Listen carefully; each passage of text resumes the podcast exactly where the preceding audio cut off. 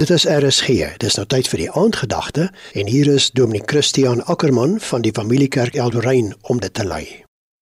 Goeiedag. Ons is hierdie week besig om na 'n paar geloofsbeginsels te kyk wat ons in die Hebreërsbrief kry. Ons gaan vandag na die eerste deel van hoofstuk 3 kyk. Vers 1. Daarom broers wat vir die Here afgesonder is en deelgenote is van die hemelse roeping, moet julle noukeurig let op Jesus, die apostel en die hoëpriester van die geloof wat ons bely.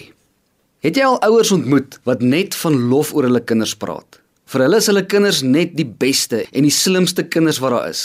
Jy dalk al hulle kinders ontmoet en jy kan nie verstaan dat hulle so met lof en eer oor hulle kinders praat nie. Nee, hulle kinders is dalk lekker stout en dalk ook nie so slim soos wat hulle ouers sê hulle is nie.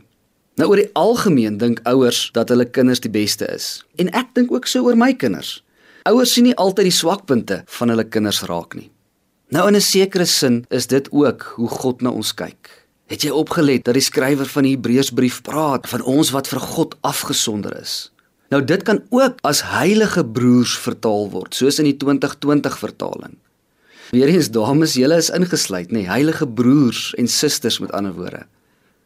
Is dit vir jou ook vreemd om te dink dat ons heilig is of heilig genoem word deur die Hebreërs skrywer?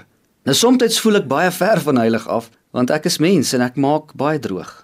Maar tog lees ons nie net in Hebreërs oor hierdie verskynsel nie. Ons lees ook in 1 Tessalonisense 4 vers 7 wat sê dat ons geroep is om heilig te lewe. 1 Petrus 3 vers 15 sê dat ons geroep is om heilig te wees soos wat God heilig is.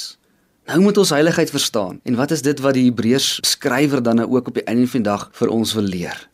Heiligheid in die Bybelse konteks kan beteken om anders te wees of om apart te wees. Maar anders en apart van wat? Anders en apart van sonde en ook van hierdie wêreld. Nou in die koppe van die antieke skrywers was die wêreld en al haar dinge baie sondig geweest. En die wêreld was dis 'n metafoor van 'n mens wat nie in verhouding met God lewe nie. 'n mens wat goddeloos is, wat anders optree as wat God wil. Nou Jesus het 'n hele nuwe verstaan van die lewe na ons toe gebring.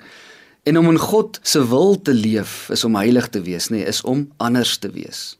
Die praktiese implikasie daarvan sal dan wees dat mense iets anders in jou lewe raak sien, dat hulle amper wil vra, "Hoekom is daardie persoon anders as die res van die samelewing?" Miskien moet jy vir jouself die vraag vra: Is jy anders as die wêreld? Is die evangelie van Jesus besig om jou op 'n daaglikse basis te verander om meer soos die beeld van God te wees, om die beeld van God in hierdie wêreld dalk te leef? Mag jy besef dat die kruis van Jesus ook vir jou bedoel is. En wanneer jy dit besef dat God jou ongelooflik liefhet, mag dit jou laat anders lewe soos iemand wat vir God afgesonder is. Dit was die aandgedagte hier op RSG, aangebied deur Dominee Christian Ackermann van die Familiekerk Eldorein.